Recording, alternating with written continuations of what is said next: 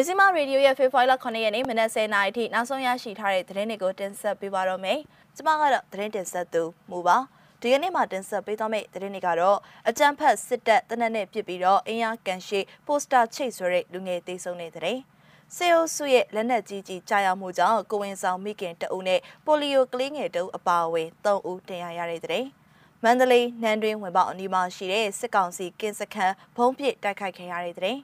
လေရင်နဲ့ဘုံကျဲခံရတဲ့စွန်ပီယန်ကြေးရွာကစစ်ဘေးရှောင်တွေစံနေမိုးကာတွေအရေးပေါ်လိုအပ်နေတဲ့တဲ့အဆရှိတဲ့တဲ့တွေကိုတင်ဆက်ပေးသွားမှာပါ။ဦးဆုံးသတင်းအနေနဲ့အကြမ်းဖက်စစ်တပ်တနက်နဲ့ပြစ်ပြီးတော့အင်အားကန်ရှိပိုစတာချိတ်ဆိုတဲ့လူငယ်တေဆုံးတဲ့သတင်းကိုတင်ဆက်ပေးကြပါမယ်။ရန်ကုန်မြို့အင်အားကန်ရှိမှရှိတဲ့လူကူတထားမှာစစ်ကောင်စီကိုအန်တူဖို့လှုံ့ဆော်တဲ့ပိုစတာချိတ်ဆွဲတဲ့လူငယ်တအုပ်ကိုစစ်ကောင်စီတပ်ကတနက်နဲ့ပြစ်ခတ်ပြီးတေဆုံးမှုဖေဖော်ဝါရီလ6ရက်နေ့နေ့လယ်ကဖြစ်ပွားခဲ့တယ်လို့ခိုင်လုံတဲ့သတင်းရင်းမြစ်အရသိရပါတယ်။လူငယ်လေးဦးကပြည်လမ်းမကြီးပေါ်မှာရှိတဲ့ကမာရွတ်နယ်လှိုင်မြို့နယ်ကိုဆက်သွယ်ထားတဲ့လူကူတထားမှာအုတ်ချုပ်မခန့်မြို့ပြက်တံပုံကန်အန်တုရန်ကုန်လူတုဆိုတဲ့စာသားပါတဲ့စာတန်းကိုမွန်းလွဲ3နိုင်ဝန်းကျင်မှာချိတ်ဆွဲစေရဲတွေကတနက်နဲ့ပြစ်ခတ်ရမှာအသက်18နှစ်အရွယ်အမျိုးသားတဦးတေဆုံးသွားခဲ့ခြင်းဖြစ်ပါတယ်။ရန်ကုန်မြို့မှာရှိတဲ့ကိုပိုင်ကျောင်းတစ်ခုမှာပညာသင်ကြားနေသူလူငယ်ဟာဘိုက်ပွင့်ဒဏ်ရာနဲ့သေဆုံးခဲ့ပြီးတော့ကြံလူငယ်သုံးဟာထွက်ပြေးလွတ်မြောက်သွားတယ်လို့သိရပါတယ်။အမားတို့ကားက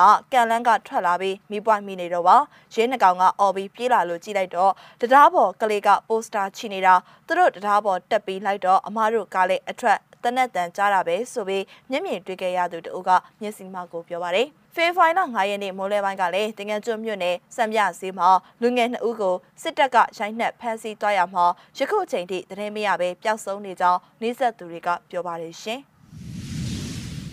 ဆက်လက်ပြီး ဆေးအုပ်စုရဲ့လက်နက်ကြီးကြီးကြားရောက်မှုကြောင့်ကိုဝင်ဆောင်မိခင်တအုပ်နဲ့ပိုလီယိုကလေးငယ်တအုပ်အပါအဝင်၃ဦးတရားရတဲ့တဲ့တင်ကိုတင်ဆက်ပေးကြပါမယ်။အကြံဖက်ဆေးအုပ်စုရဲ့လက်နက်ကြီးကြီးကြားရောက်မှုကြောင့်ကော့ဂရိတ်မြို့နယ်ဒေါနာအရှိတ်ချမ်းမှာရှိတဲ့ရွာကလေးရွာမှာနေထိုင်တဲ့ကိုဝင်ဆောင်မိခင်တအုပ်နဲ့ပိုလီယိုကလေးငယ်တအုပ်ထိခိုက်ဒဏ်ရာတွေရရှိခဲ့တယ်လို့ဒူပလာယာခရိုင်ကသတင်းထုတ်ပြန်လိုက်ပါတယ်။ ဖေဖိုင်လာ6ရက်နေ့မနက်၈နာရီခန့်မှာကော့ဂရိတ်မြို့နယ်မြောက်ဝတီအာရှလမ်းမှာအကြမ်းဖက်စေအုပ်စုနဲ့ KNL တို့9မိနစ်ကြာတိုက်ပွဲဖြစ်ပွားခဲ့ပြီးတဲ့နောက်အကြမ်းဖက်စေအုပ်စုလက်အောက်ခံခမရ355ကလက်နက်ကြီးတွေနဲ့ရန်တမ်းပစ်ခတ်ခဲ့တာဖြစ်ပါတယ်။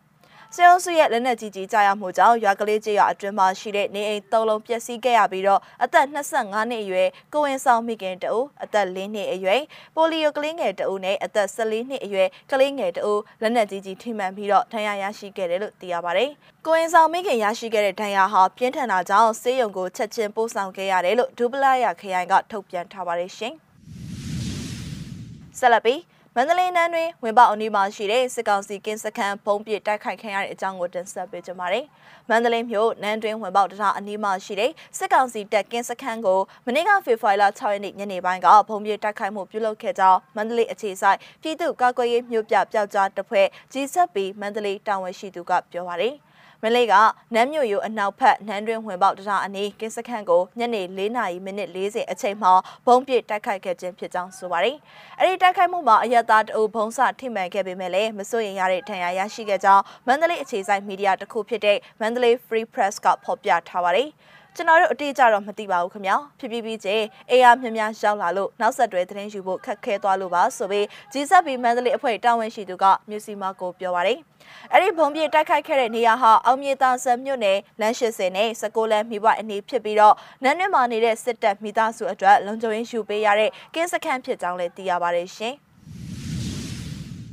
နောက်ဆုံးသတင်းအနေနဲ့လေရင်နဲ့ဘုံကျဲခံရတဲ့စွန်ပီယန်ကျေးရွာကစစ်ပေးရှောင်တွေစံတဲ့မိုးကာတွေအရေးပေါ်လိုအပ်နေတဲ့သတင်းကိုတင်ဆက်ပေးကြပါမယ်။ကချင်ပြည်နယ်ပူတာအုံမြို့နယ်စွန်ပီယန်ကျေးရွာကိုအကြမ်းဖက်စစ်အုပ်စုလေရင်နဲ့ဘုံကျဲတိုက်ခိုက်ခဲ့တာကြောင့်ပြည်သူတွေဟာတော်ရင်းတနေရာကိုထွက်ပြေးတိတ်ရှောင်နေရပါတယ်။ယခုရက်ပိုင်းအတွင်းမိုးရွာသွန်းမှုတွေရှိနေတာကြောင့်စစ်ဘေးရှောင်ပြည်သူတွေအတွက်မိုးကာတွေလိုအပ်နေတဲ့အပြင်စားနေရိတ်ခါတွေလည်းလုံလောက်မှုမရှိဘူးလို့အမည်မဖော်လို့တဲ့အုပ်ချုပ်ရေးမှူးတို့ကပြောပါရယ်မနေ့ကမိုးအရန်ရွာတော့စစ်ပြေးတိမ်းရှောင်သူတွေဒုက္ခရောက်မဲ့အနေအထားမှာရှိတယ်ပြီးတော့နေစားသမားတွေကတနေ့လောက်တနေ့စားဆိုတော့အလုံးမလုံးရတော့ဆန်တွေလိုအပ်နေတယ်ပြောတယ်မိုးကနေဆန်ဟာလောလောဆယ်မှာလိုအပ်နေပါတယ်အခုလောလောဆယ်တော့ကိုညီမဲ့သူမရှိသေးဘူးလို့အမည်မဖော်လို့တဲ့အုပ်ချုပ်ရေးမှူးတို့က The 74 Media မှာဖြေကြားထားကြောင်းသိရပါတယ် စစ်ပေးဆောင်ပြည်သူတွေထဲမှာရာသီဥတုအေးဒဏ်ကြောင့်နာမကျန်းဖြစ်နေတဲ့သူတွေရှိနေတယ်လို့သိရပါတယ်။တွားထဲမှာစစ်ပြေးနေတဲ့အချိန်မှာတော့အေးထန်တွေကြောင့်ချောင်းဆိုးတာတွေဖြစ်တာတော့ရှိတယ်။စားတောက်ရတာတော့အဆင်မပြေဘူး။လူပြိုအရွယ်တွေနည်းနည်းပြေးနိုင်တဲ့သူတွေကထမင်းချက်ပြီးပို့ကြတာဟုတ်တယ်လို့ဒေတာကန်တအုပ်ကပြောပါတယ်။ဆွမယန်ကျေးရွာကိုအကြမ်းဖက်ဆေးအုပ်စုကဖေဖော်ဝါရီလ3ရက်နေ့မှာရဟတ်ရင်တွေနဲ့ဘုံကျဲတိုက်ခိုက်ခဲ့တာဖြစ်ပြီးတော့ဘုံကျဲတိုက်ခိုက်မှုကြောင့်ဒေတာကန်ပြည်သူ3ဦးထိခိုက်ဒဏ်ရာတွေရရှိခဲ့ပြီးတော့အသက်စိုးရိမ်စရာရှိနေတယ်လို့သိရပါတယ်ရှင်။ မြစီမရေဒီယိုရဲ့ဖေဖိုင်လာ9ရက်နေ့မနက်10:00နာရီထိနောက်ဆုံးရရှိထားတဲ့သတင်းတွေကိုတင်ဆက်ပေးခဲ့တာပါ။နားဆင်ပေးခဲ့တဲ့အတွက်ကျေးဇူးတင်ပါတယ်ရှင်။